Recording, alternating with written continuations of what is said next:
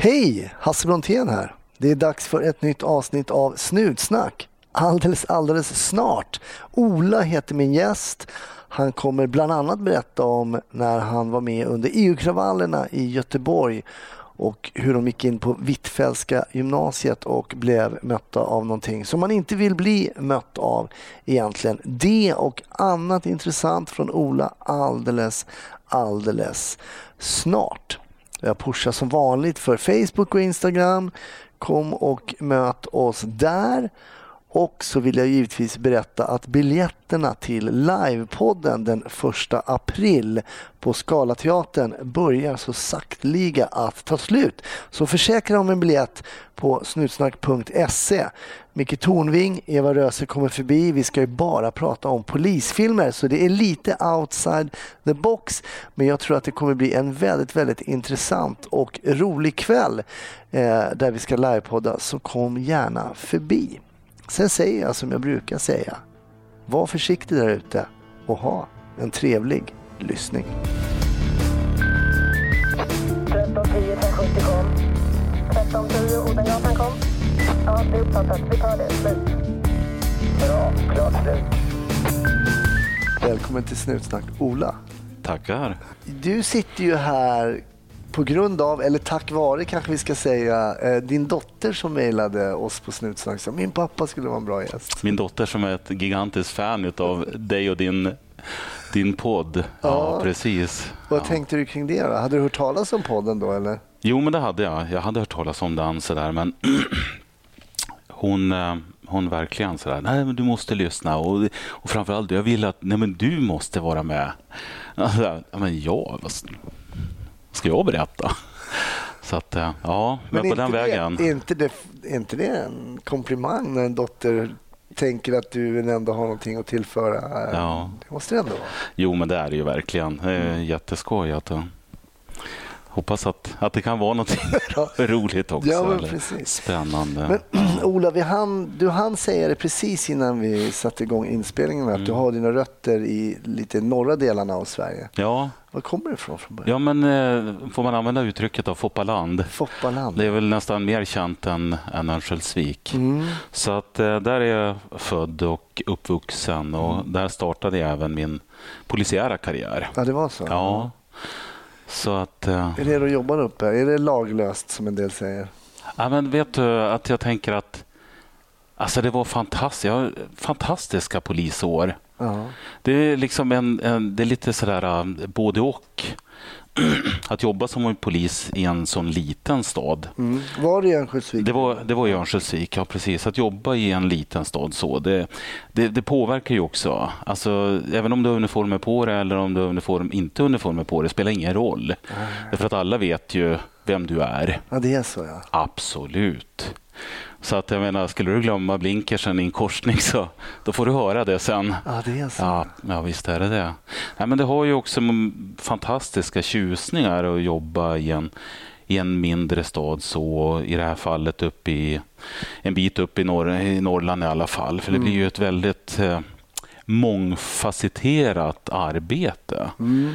Det är ju väldigt, väldigt brett. det. Allt ifrån liksom eh, jaktbrotten eller eh, skoterpatrullering eller vad man kan tänka sig. Så det var väldigt eh, tillfredsställande år faktiskt. Och ända ner till de klassiska då, kanske de här man tänker polisiära stöld och snatteri. Och, Absolut. eh, brott i nära relation som man Ja, kallade ja. för lägenhetsbråk förr Ja, i tiden. Det ja var ju- det, var ju det, det var ju det vi kallade det, Ja. lägenhetsspråk. Precis, ja.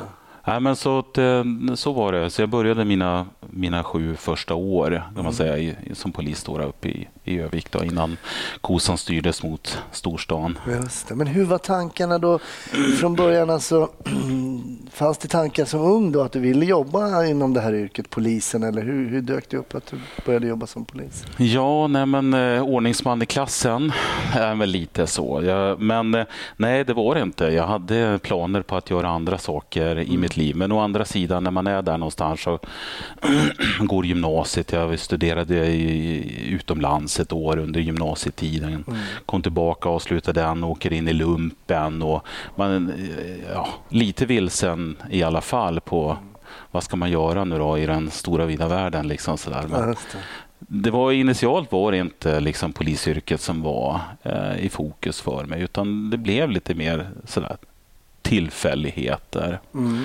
Jag hade planer på att eh, åka över tillbaka till USA och fortsätta läsa på universitet. och ansökte men hade missat att göra en, en specifik engelska test som var ett krav om man kom utifrån. Liksom, Okej. sådär. Så att eh, det blev ett glapp för mig. Och då, vad ska jag hitta på nu?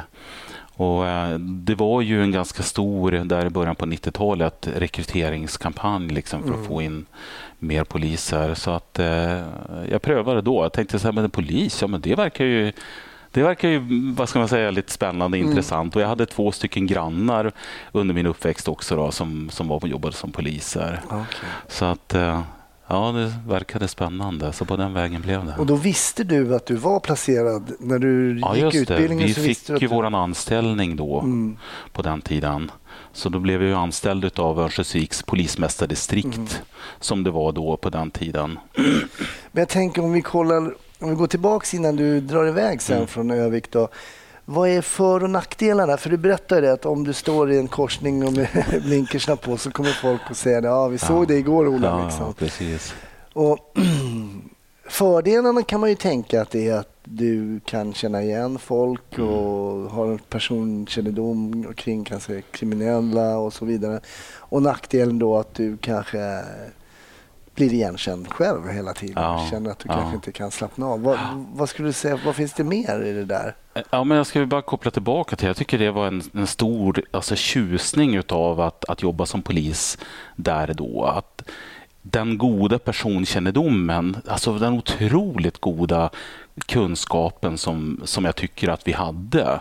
Både utifrån vår nyfikenhet men också liksom sådär att man kom det en ny vi säger busbil. Alltså kom det en ny busbil in i området, ja, men väldigt snabbt fångade vi upp den. Vi visste vilka områden, vi visste vilka som rörde sig i vissa kretsar. Så där. Så att det, var, ja, det var en tjusning att jobba så liksom kunskapsbaserat. Verkligen. Och, och, och ja, men också kunna följa upp, att kunna jobba med ungdomarna på ett, på ett helt annat sätt än vad jag jämför då när jag kom och, kom började jobba i Stockholm. Sen nackdelar att jobba så där. Det, ja, men jag har två ganska vad ska man säga, starka alltså händelser så som liksom, visst det kan hända var som helst men det är väl en större risk att det händer när man jobbar i en, i en mindre stad. Och det var mina, mina barns mor då, då min, min exfru som vi precis hade fått reda på att hon var gravid med våran första. Och helt plötsligt så under min tjänstgöring då när jag jobbade så får vi in larm om en trafikolycka. Och naturligtvis så var det ju hon som var i trafikolyckan då Oj. och en smitning utav en, en rattfylla. Oj. Så det, liksom, och då är man då den, det är inte så många patruller uppe i en, i en småstad så, utan det var ju jag som åkte på platsen. Så du åker på trafikolyckan där din fru är Just inblandad? Precis. Din gravida fru? Precis. Men visste du det när du var på väg Ja, visste fram? det. Ja, visste det då. Hur visste du att du... Att Jag fick det? ett samtal ifrån henne. Okej. Ja. Men- Så att, eh, så Visste att, du status på henne då? då? Jo, men jag visste väl ändå att hon är okej, alltså så. Mm. Men samtidigt så vet man ju ändå inte. Nej, Man har ju inte den där bilden framför sig. Liksom. Och sen hade jag en annan tidig morgon, hade jobbat natt och eh, jag fick larm om en trafikolycka i- på, på E4 i centrala liksom, stan. Så. Och eh, kommer på plats och då ser jag att det är min fars bil. Och min far som sitter där i bilen och bilen fullständigt demolerad.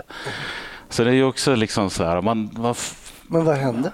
Vad, vad, vad, det gick bra. Alltså, han, ja, men det gick bra. Han klarade sig alltså, med ganska lindriga skador. Liksom, så där, så att, Men du är helt unik och har varit både på din frus trafikolycka och din pappas. Ja det, ja, det vet jag inte, men det är saker man kan vara förutan. verkligen. Jag menar men, det, men alltså. tack och lov så, så båda två har ju gått väldigt bra. Ja. Det gick ju väldigt bra. Så att säga. Men så det är det jag menar också att med, det finns fördelar liksom yrkesmässigt att, att, jag att, att leva och bo, att jobba då i en småstad. Och nackdelen är ju att till exempel ens fritidsliv blir ju begränsat utifrån det perspektivet att man, ja, man, man vill gå ut på stan och gå på restaurang liksom och sådär. Så. Sällan vara i fred utan det är alltid någon som ska komma fram och diskutera när är det man får sätta på dubbdäcken egentligen?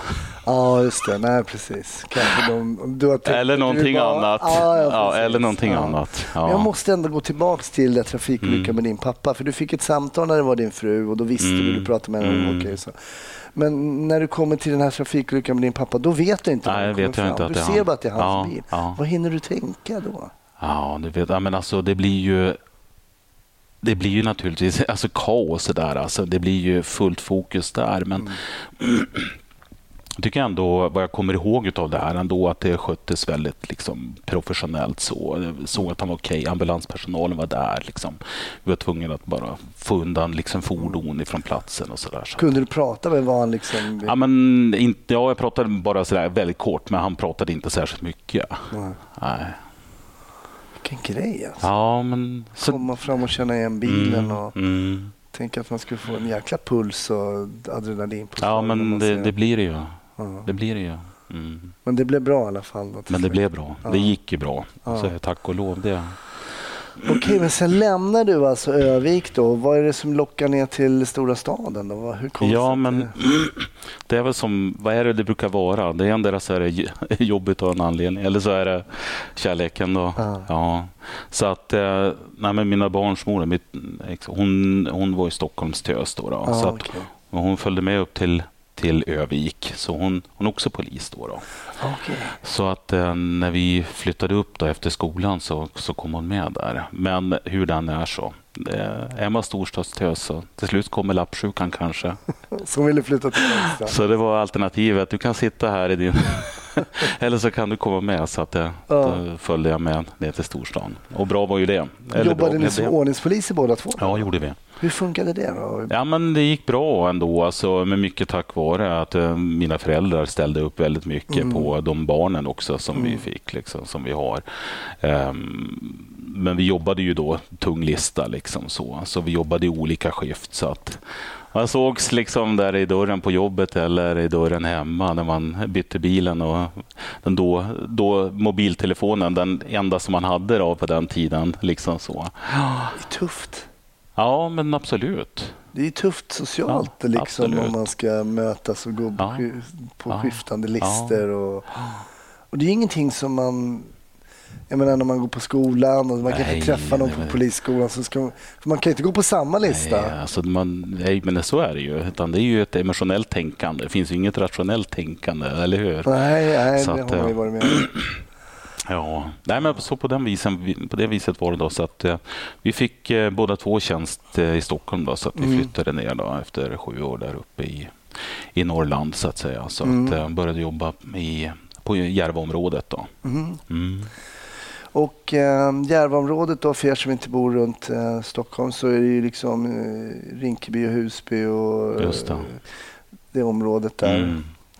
Mm. Eh, hur kommer det sig att du började jobba där? Sökte du en tjänst? Ja, vi sökte tjänster då, det var som fanns då i Stockholm att söka på den tiden. Så att, eh, då fick jag tjänst i vad som kallas för norra Järva. Mm. Just det du sa, Husby, och eh, Akalla och Kista. Och eh, hon fick jobb på den södra, södra sidan utav fältet. Ja, okej. Men det måste ju ha varit en, en, en ganska stor kontrast eh, att men- komma från Örnsköldsvik. Ja, men det var en otrolig kontrast alltså. Ja, det var det. Men jag tänker, många gånger så har jag tänkt så här, man pratar om att ja, ja, men i- liksom i en storstad att jobba så där och jobba i en småstad. Alltså det var speciellt att jobba i en småstad. Jag tänker att den stora lärdomen jag tror att jag tog på, alltså under ett, ett, ett år senare efter att jag hade börjat jobba i Stockholm, tänkte jag så här, fast det är ju vad bekvämt och skönt det är att jobba här. Uppe i norr, ja, men, ja, men vi hade väl vad man kallar då åtminstone kanske fyra, fem våldsamma motstånd i veckan. Oj. Och när jag kom till Stockholm så hade jag väl kanske knappt fyra, fem stycken på ett helt år. Intressant. Ja, men det är faktiskt. väldigt, väldigt Ja. intressant. Men då ska man också klart för sig att mm, det är många kollegor här i Stockholm som jobbar i city som nog kan vittna om en liknande erfarenhet som jag hade uppifrån från norr. Då, då. Så Ja. att, för mycket är det ju liksom relaterat till fredagar, lördagar Mm. och fylla. Men, så, eh, men, det, ja, men det är intressant för att du reagerar på att det var mindre sånt och det kan man ju tycka otroligt, ja. fördomsfullt. Det borde vara mer kanske Ja. i Stockholm. Ja. Men det är tvärtom då. Att det kanske är. det att man blir utsatt mer sällan för den här auktoritära polisen som kommer fram till exempel och att man mopsar upp sig när man är på fyllan och så? Är, Ja, men är det inte så vi säger alltid? Och Liksom alkoholen går in och omdömet eh, försvinner. Liksom så.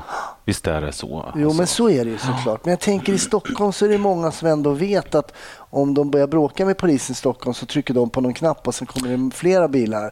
Men om man är i Örnsköldsvik och ute, då kan du Nej, trycka mycket du vill Men på visst knappen. är det så. kommer och jag, men, ja, men så är det väl också till stor del. Och, alltså klart att eh, i, en, i en så liten stad på den, den, vid den tiden, snart 30 år sedan, det, Alltså det var inte särskilt stor omsättning. Det var inte många nya unga poliser som liksom, utan det var en, en ganska ålderstigen liksom, kår ändå. Sådär. Och, så att vi var ju unga, vi var ju få, men vi tyckte om att arbeta och det är klart att alla gillar inte det. Nej. Nej, vissa hade haft det kanske mer bekvämt innan, innan det var så. Men ja, det var verkligen en, en stor skillnad. Ja, Så. intressant.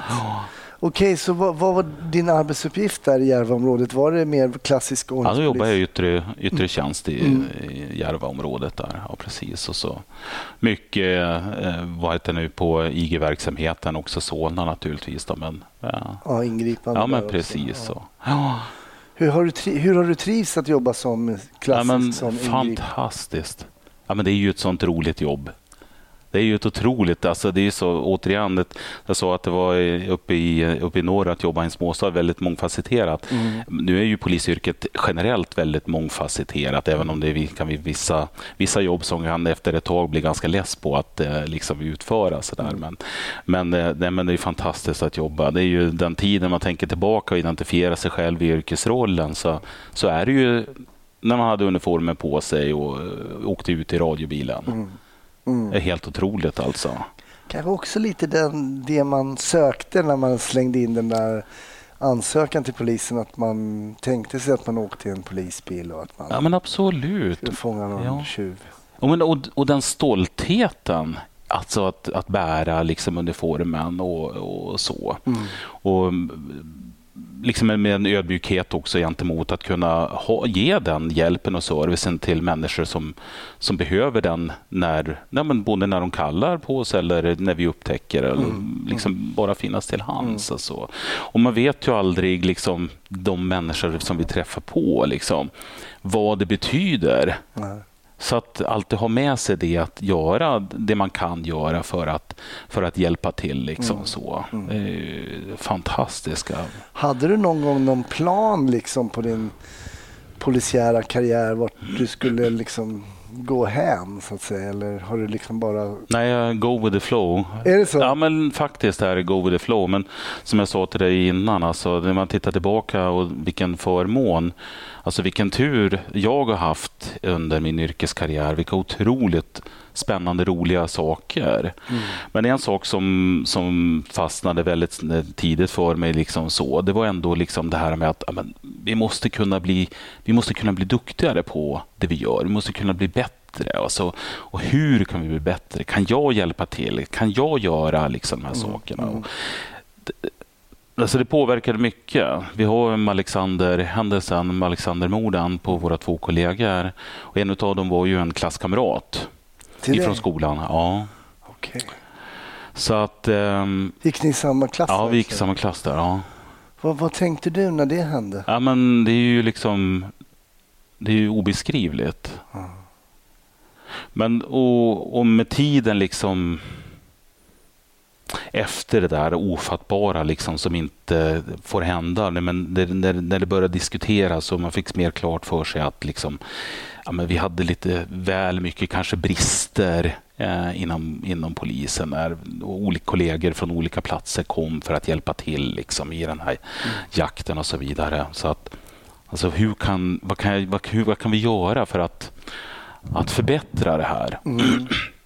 Så att jag hade, jag hade förmånen, jag jobbade under ett, eh, under ett par år i, i Stockholm här då, då som eh, man ansvarig för våra taktikutbildningar och så, länsgemensamma utbildningar. och Så, eh, Hur kom du in på det då?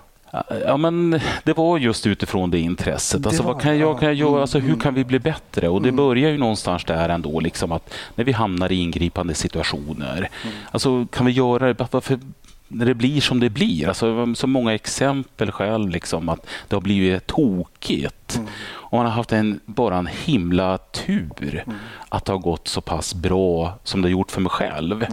Medan det har gått inte lika bra då, för, för många andra. Jag tänker på det när du nämner Alexander och man kan ju se de här bilderna framför sig hur de har kört upp sin bil för att stoppa de här Mm, rånarna som mm. kommer och sen så har man ju sett kulhål och sådär. Mm. Vi hade ju en, hade ju en gäst nu i Snutsnack eh, för en tid sedan från Kalifornien. De berättade de har ju en shotgun Mm. utöver sitt eh, handeldvapen då, som också är 9 mm Mm. pistol som svensk polis har. En, en shotgun i bilen och Mm. ett rifle. Mm.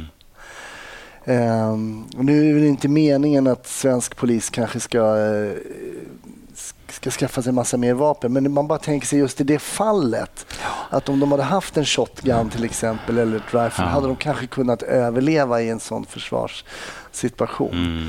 Okej, det fick det i alla fall att engagera dig Ja, lite men extra. väldigt Mm. mycket så. Alltså, vad kan vi göra för att eh, liksom, försöka bli lite bättre i alla fall? Mm. Så, att, eh, nej, men, så att jag fick jag jobbade ja, men, på sidan om liksom det vanliga operativa yttre arbetet. där så Jag jobbade både med, liksom, med självskydd och, och vapen och, och så, och taktik. Liksom, så. Så, att, så att 2004, kan man säga efter att eh, det här eh, taktikutvecklingsprojektet som pågick efter både med Alexander och eh, Göteborgshändelserna, det här vårt EU-toppmöte 2001 i Göteborg.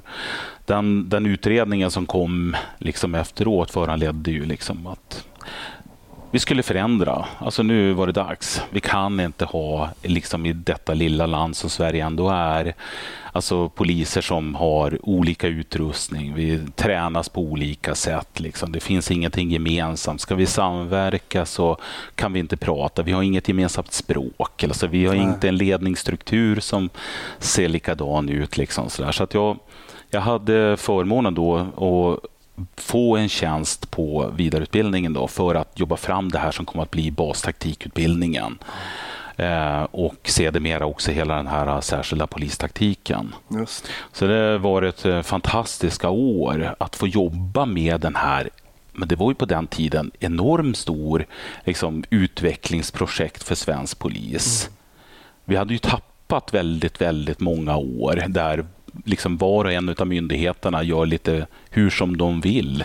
Man kan ju tycka att, man, eller man kan ju kanske misstänka att folk som går på gator och torg som inte jobbar som poliser tror att svensk polis alltid har liksom Ja. haft kanske ett språk, ett teckenspråk Ja, för nu går ja. vi framåt, nu går vi bakåt, nu tar vi fram sköldarna. Men så har det ju inte varit. Nej. Så det var väl kanske på tiden då. Ja, det var på tiden och utifrån saker som liksom Alltså de här händelserna som får oss att, att växa som människor, tänker jag. Det, jag har otroligt mycket att tack, tacka för den tiden. För att eh, vi sattes ihop ett, ett tvärvetenskapligt liksom, lärarlag. Så att det var ju både beteendevetare, kulturvetare, poliser, jurister liksom, så, som bildades då för att ta fram eller utveckla den här utbildningen då, som skulle vara väldigt integrerad utifrån de här olika kompetensområdena. Kommunikativt och mentalt förhållningssätt. Och det liksom så det, och att, att få den möjligheten att jobba så tajt med den här människokadern har verkligen varit en stor förändringsfaktor. Liksom så Så du är högst delaktig i den här då, särskild polistaktik. Och, Ja, men det blev eh, liksom ett ansvarsområde som jag fick då Mm. eh, efter att vi hade tagit fram första bastaktikutbildningen. Liksom, så. Mm. så ja, Men hur var det att lämna liksom gatan då? Då blev det ju lite skrivbords... Eh, även om du fick jobba med väldigt polisiära grejer. Så ja, fast jag var ju väldigt mycket utbildare. ja. Så det var ju fortfarande liksom, och, det var otroligt fokuserat. Alltså, på den, då att, att lämna eh, själva det operativa arbetet, ja, men det här var ju sån driv i. Det här var ju sånt otroligt driv i den här största, den största vad ska man säga, utvecklingssatsningen som, på svensk polis som, liksom på årtionden. Just det. Mm. Så det var ju väldigt eh, stimulerande att, att jobba i det här och framförallt också att, att se, ger det någon effekt där ute? Vad, vad, vad tänker de kollegorna som mm. vi nu kompetensutvecklar i, i det här? Liksom det. Så. Vi hör ju återkommande i podden, man pratar ju då SPT, ja, så ja. det är någonting som verkligen uh, återkommer. Så och, det, vi... ja, och där tänker jag faktiskt så här att det är de kollegorna som vi har som jobbar ute idag och med, med den, uh, vad ska man säga, teorierna eller de, de, de teoretiska delarna som grund som de lyckas då implementera och praktisera så jävla professionellt som, som svensk polis faktiskt gör idag. Ska, vi ska vara väldigt stolta, tycker jag. Mm. tycker de är otroligt duktiga på det. Alltså, när har vi Alltså hur ofta har vi riktiga, vad ska man säga, riktiga upplopp idag? Mm. Med dialogpoliserna som jobbar liksom så här eh, förebyggande och långsiktigt liksom för att skapa relationer. Se till att människors grundläggande friheter kan mötas. Att polisen idag kan ta det ansvaret som vi har i samhället. Liksom att göra vad vi kan för att facilitera människor liksom, så att det inte uppstår de här spänningarna där folk känner frustration och vi kan inte få vår röst hörd. Och... För det är ju det klassiska man har sett, alltså med, mm, man ser ett en avspärrning med de här staketen och så, så några som demonstrerar. Ja. Om det är ena eller andra sidan så ja. har vi då um, opponenterna då ja. som står och skriker. Och sen blir det liksom någon form av skärmytsling och ibland bryter någon igenom. Och sen så ja, liksom... precis. Ja. Det ser du inte idag på samma sätt. Nej, nej det kanske är så. Ja. Vi har inte riktigt sådana och jag, har ju, no, jag har ju haft som jag sagt förmånen och jag har precis kommit tillbaka till nationell polis efter mer än två års eh, utlandstjänstgöring där jag varit i, jobbat i Ukraina. Mm. Och Det var ju mitt specifika uppdrag i Ukraina för EUs mission där, att jobba med reformarbetet och specifikt med deras arbete att hantera folksamlingar. Mm. Se till att liksom människor ska få möjligheten. De hade ju en extremt svår svår händelse, svår, alltså en, en avskyvärd händelse 2013-14 där med, med den eh, revolutionen mm. som kallas för Dignity Revolution. Så där eh, mer än hundra människor eh, satte livet till, ihjälskjutna liksom så utav poliser eventuellt, det vet man inte fullt ut. Okay. Men hur är det att komma då som svensk polis och träffa poliser i Ukraina? Ja, men, ja, men jag tänker som med allting, alltså man, eller med alla. Så här, man, man måste jobba med relationer. Man måste jobba med relationer, man måste jobba med att vinna tillit, man måste jobba med att vinna förtroende. Det som är tjusningen att jobba, tänker jag, och det ska vi också bara vilja lyfta fram, alltså att svenska poliser tar chansen att att jobba i en, en eh, sån här utlandstjänst. För att få jobba, som vi tar då missionen i, i Ukraina, EUs missioner, det är ändå, vi är 28 medlemsstater plus att vi har några andra stater som också vill delta, som mm. Kanada till exempel. Så. Men den, den mångkulturella arbetsplatsen med, med vad det betyder för lärandet om sig själv. Liksom och, sådär. Och, mm. och, jag tycker det är så kul. Vi har en en eh, äldre kvinna, Karin, eh, som vi har jobbat med i många, många år med inom polisens utlandsverksamhet. som är, eh, hon jobbar med interkulturell, kommunikation och ledarskap. Och att, att, jobba tillsammans med henne och när hon jobbar med vad ska man säga, våra poliser, att, att se att det här med bara en sån enkel sak som när vi pratar om att ja, men det är ju sunt förnuft. Jo, visst. Det som, är, det som är sunt förnuft för dig och mig är ju, betyder ju inte att det är det för en eh, som kommer ifrån något sydeuropeiskt land. Nej.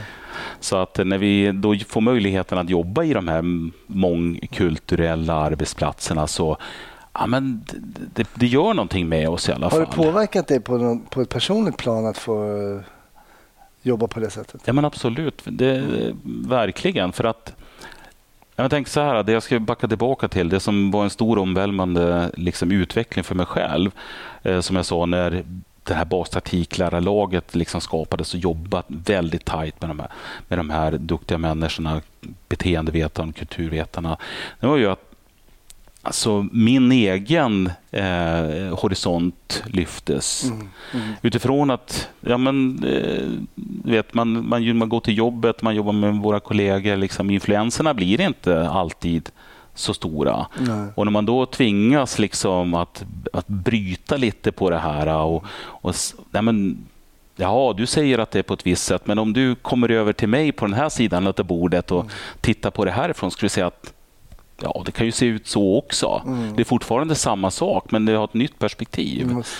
Och, att då föra det till en sån liksom mångkulturell arbetsplats som en, en, en fredsmission innebär är ju verkligen liksom att utmana ännu mer. Att ja, jo, den här saken, den, så här är det. Ja, eller så om vi förflyttar oss till en annan. Så, ja, det kan vara så här också. Så det är ju liksom att, att bredda det ännu, ännu mera.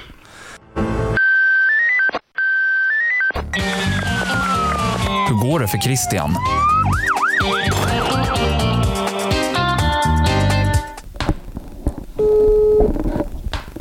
Christian? Tja Christian, det är Hasse.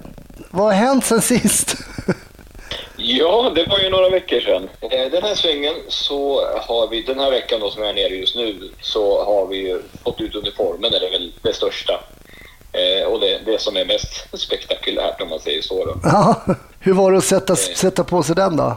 Ja, det är ju också lite konstigt faktiskt. Tio år i Polismyndigheten och det, är väldigt, det finns ju liksom vissa plagg får inte jag bära för det står polis på dem. Vissa plagg är bara för yttre tjänst och det har varit, ja men i tio år har man på något sätt blivit matad med att det här får du ha på dig men inte det där. Du får inte ha det där men det där märket går bra. Nu okej. helt plötsligt så får jag ut sådana uniformer och ta på dem. Så, nej, det kändes jättekonstigt. Det är nog faktiskt. Det känns som att man är, ska på maskerad. Det är väl den bästa förklaringen. ja, du får vänja dig. Eh, Så det, ja, det har varit mycket sånt. Sen är ju som sagt termin två igång nu, så nu fortsätter vi lära oss nya grepp och tekniker och mycket solo-grejer. Att man ska kunna, ja men en nedläggning själv istället för att man jobbar i patrull förut. Och man ska kunna skydda sig själv om man blir strypt har varit de sakerna som har stått på tapeten. Så Ah, mycket strypande i både igår och idag. Ja, just det. De där övningarna kommer jag faktiskt ihåg. Man ska upp med handen och vrida kroppen och... Ja, precis. Exakt. Och det gäller ju att få till det där samtidigt som det sitter någon som är väldigt trevlig men ändå halvstryper den på, på, på kroppen. Så det blir också sådär, ja, sån här, återigen den här eh, skillnaden i förut och nu. Att nu liksom, jag, jag får betalt för att ligga på matta och bli halvstrypt av en, av en, en kamrat. Hur har det gått med tentor och sådär? Har ni haft något? Ja, vi avslutade ju, termin ett avslutades ju med den här polisiära grundkursen. Det är alla grundkunskaper man ska ha eh, vad det gäller polislag och sånt där. Och den har vi tentat av och det gick bra. Jag klarade mig med, med god marginal. Ja, men vad kul. Det rullar ju på. Det rullar ju på. Ja, den allmänna känslan att det här är, alla vill vara där och det märks tycker jag på attityden från alla. Det, det är ofta lärarna säger det, att den, vi är väldigt drivna när vi väl är där och lär oss.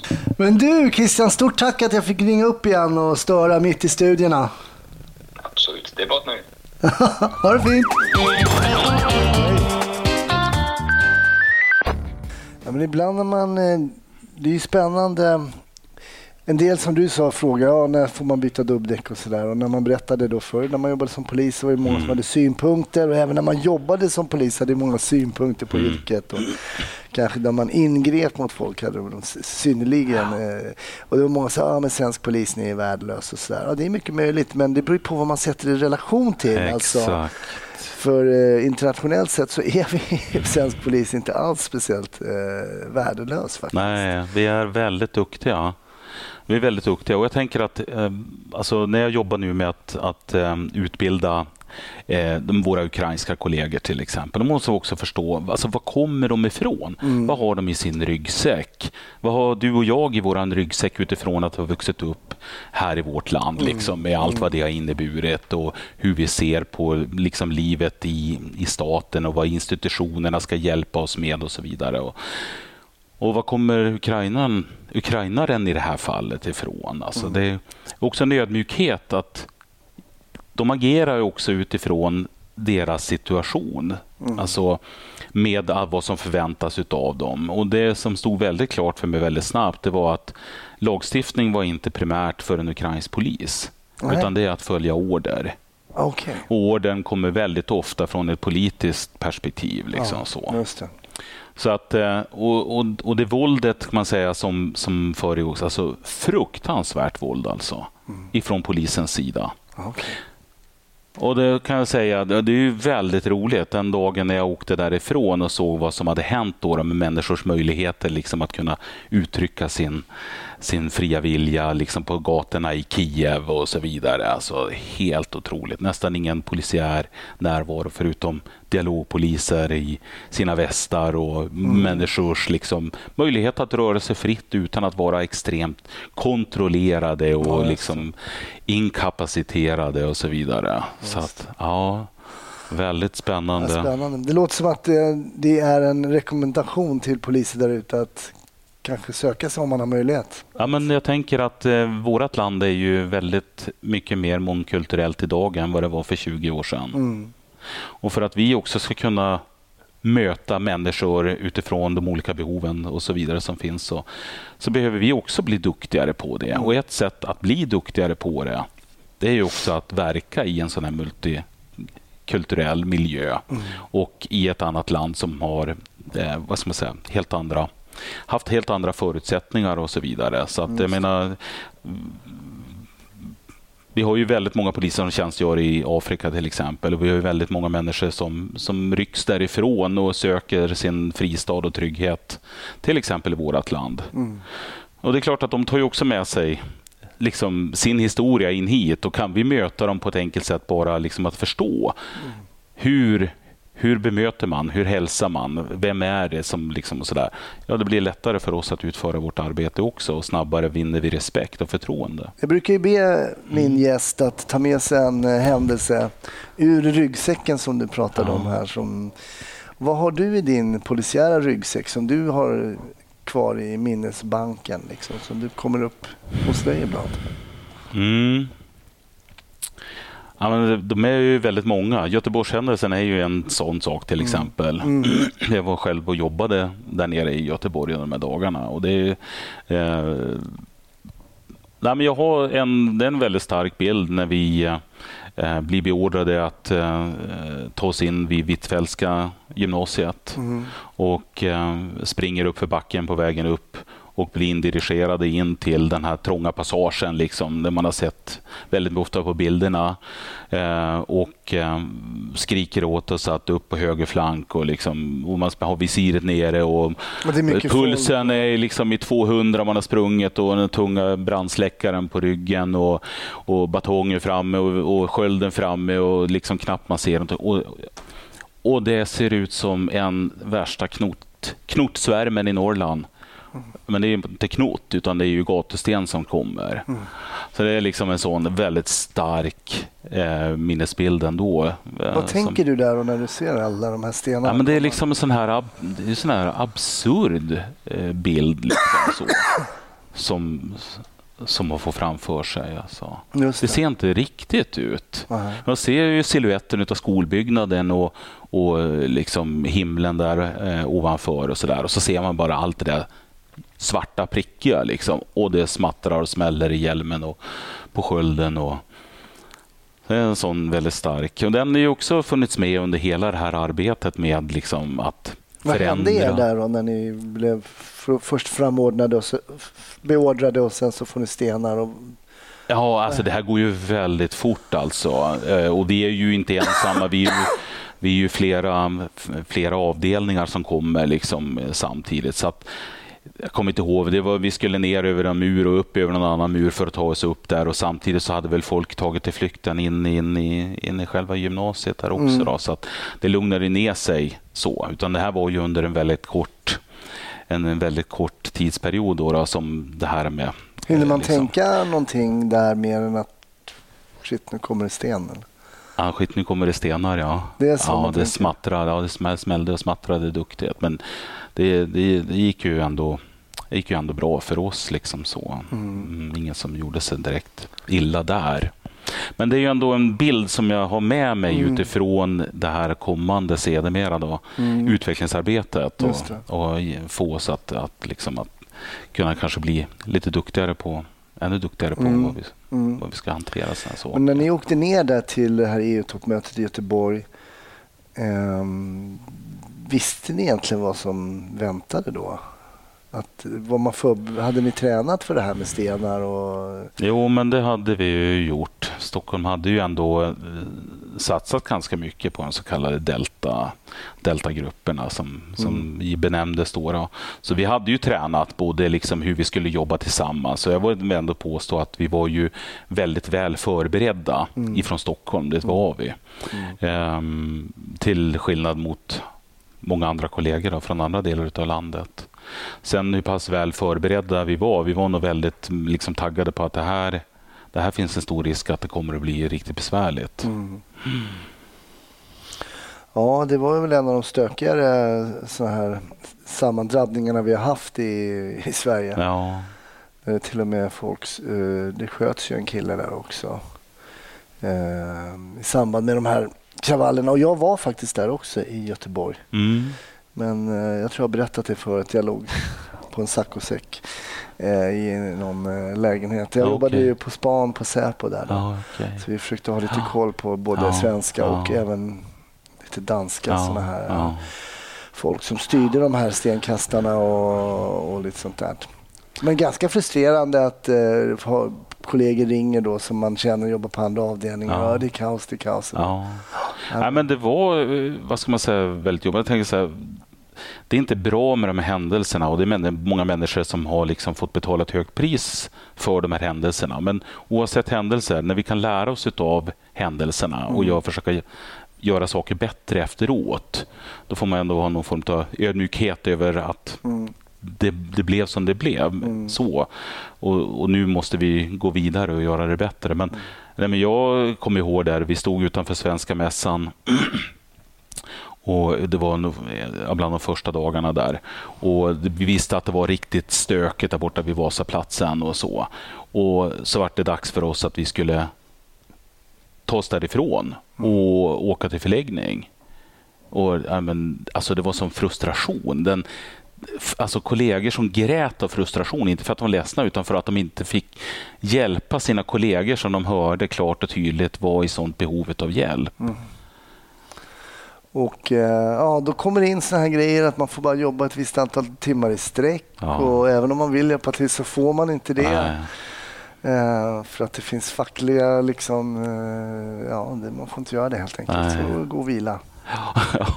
Men det är väl en sån sak, tänker jag, den, den styrkan som vi har alltså, sinsemellan också. Att, Mm. Alltså en, en, en kollega som, som hamnar i en besvärlig situation, en, alltså, då lämnar man allt Mm. för att hjälpas åt. Mm, mm. Och Det är väl ett, ett måste liksom för att också kunna klara de påfrestningar som, som man kan råka ut för. Nej, men den känslan kände jag ofta också. Att, att det var så att det hände någonting. Då, om någon stod och rapporterade någon så slängde man liksom anteckningsblocket och, och hjälpte kollegan istället för att rapportera någon för att de inte hade haft bälte. Ja. Och den är ju stark inom polisen. Det som många kallar då för kåranda. Liksom och så där. Så Mm. kanske för många poliser, för mig när jag jobbade som polis, var någonting väldigt positivt. Mm. Att man hade en ömsesidig respekt för att kunna hamna i kunskapen att hamna i en sån här situation. Och man vill inte stå där själv och därför kommer man och hjälper. Ja, men visst är det så. Utifrån en annan händelse tänker jag bara en koppling då tillbaka. Hur är det att jobba i en, en liten stad jämfört med en stor?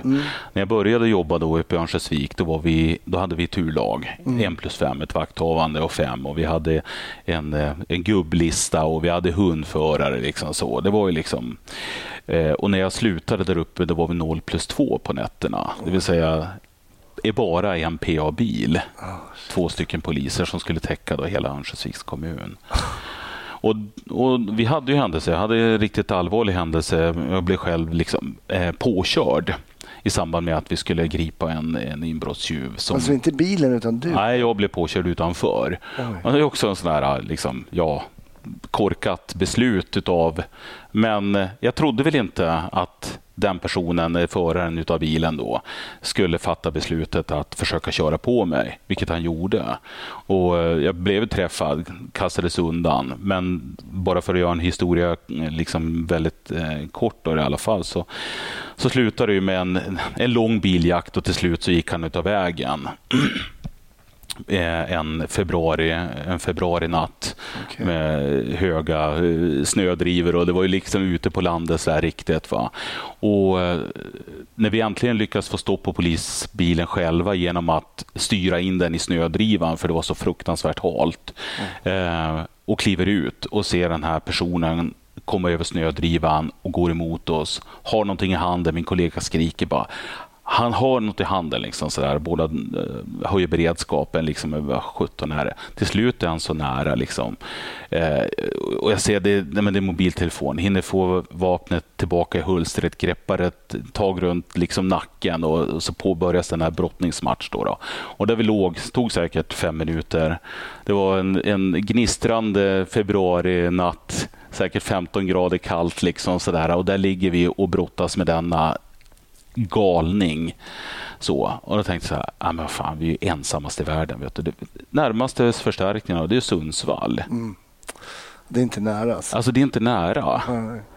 Nu gick det bra för oss, jag höll på att säga, där i alla fall. Vi lyckas ju få bukt på honom och få honom gripen. Vad hände med dig då? Du blev ändå påkörd. Ja, men jag fick eh, vad heter det, mjukdelsskador i axeln och nacken och så. Okej. Mm. Vad var det för brott initialt? Init, ja, han, nej, men initialt så, så var det en eh, stöld eh, från ett, eh, ett fordon. Där målsägaren såg eh, när, när det skedde. Liksom, sådär. Mm, okej.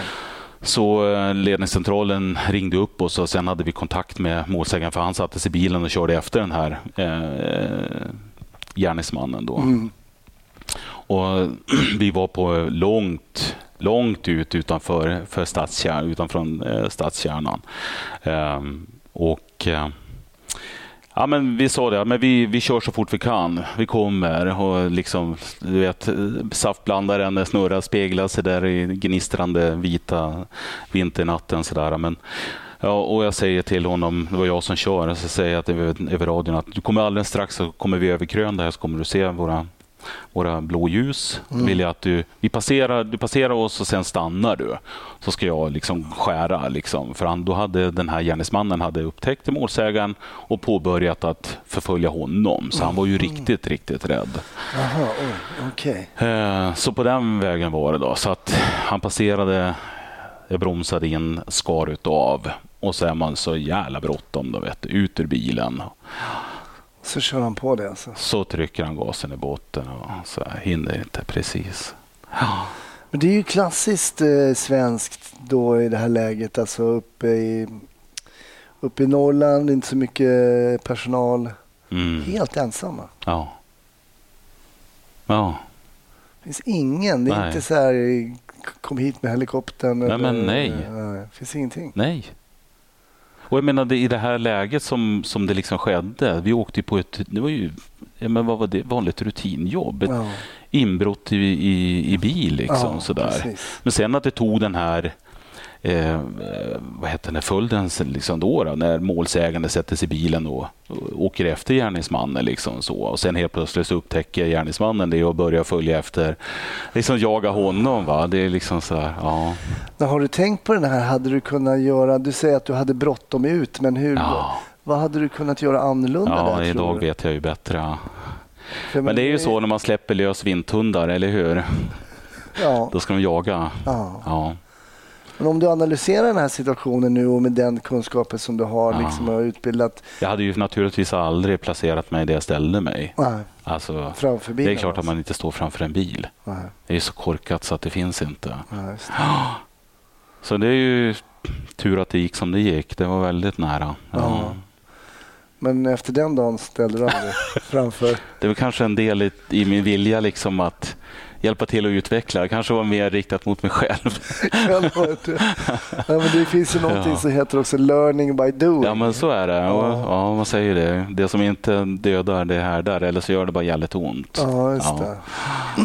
Men han blev gripen i alla fall. Han då. blev gripen och dömdes för Han anhölls för försök till mord då. då. Ja, Eller försök till dråp. Mm. Okej. Och för grovt rattfylleri och narkotikabrott och stöld. Vårds, grov vårdslöshet i trafik och så vidare. Så att, ja. Kom du ihåg om det blev någon fällande? Ja, nej, men det, jo, men det blev det ju. Mm. Det, det, det, Blev han dömd för det ja, brottet dömdes. mot dig också? Ja, men det, ja, det går så mycket in på detaljer på det, men han Ja. dömdes i alla fall. Och Ja. framförallt så dömdes han i, i liksom i skadeståndsfrågan så dömdes han med ett, med ett eh, eventuellt uppsåt Mm, eh, för, för just den gärningen. Då. just det. Mm.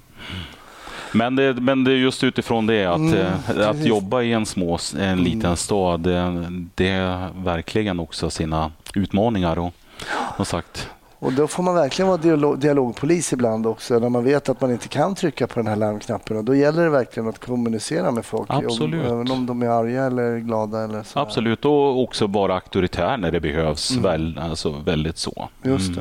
det. Ja, intressant. För att jag tror att det blir ju naturligt så också att man arbetar olika och man vet att man alltid har en och en halv minut till förstärkning. Alltså, Mm.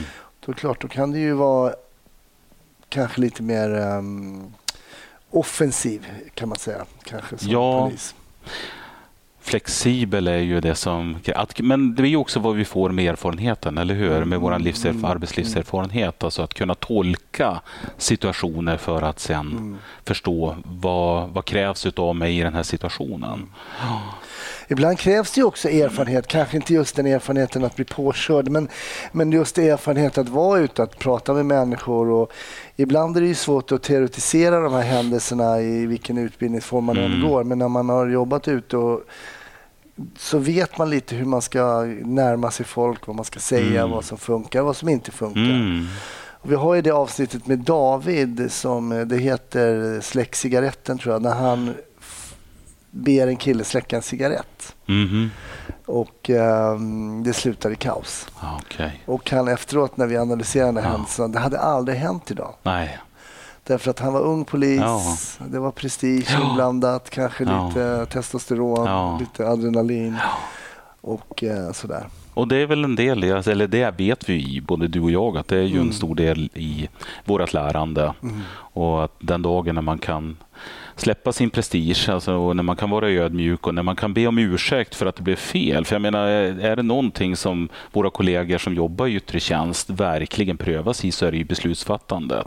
Om man ska fatta ett beslut liksom inom bråkdelen av en sekund på någonting, ja, men det är inte konstigt att det blir fel. Nej. Men att då ha den styrkan också och förmågan när man väl inser att oj, det här blev inte bra. Nej, att kunna backa tillbaka och säga förlåt, alltså Mm. stopp, förlåt. Alltså, Det blev fel, jag ber om ursäkt om det är det som liksom krävs. Just.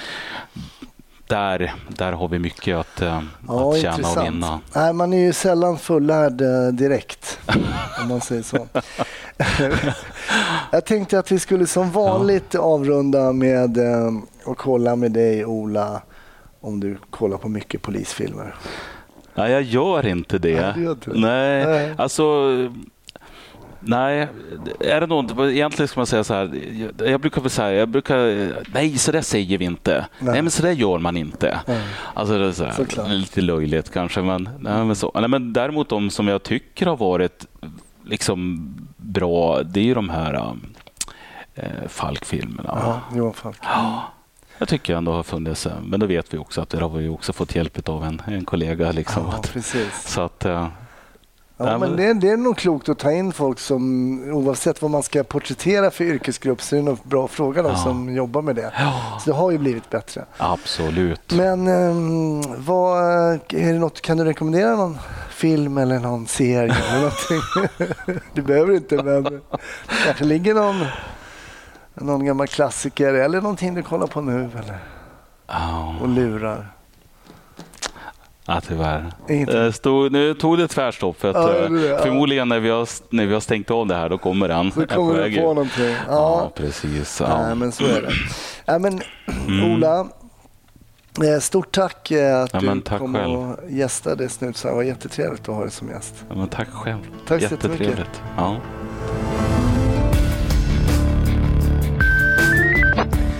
Tack så jättemycket. Ännu ett avsnitt av Snutsnack är till ända. Men ha förtröstan, det kommer ett nytt i nästa vecka. Fram till dess så ses vi på Facebook eller på Instagram. Ha det jättebra.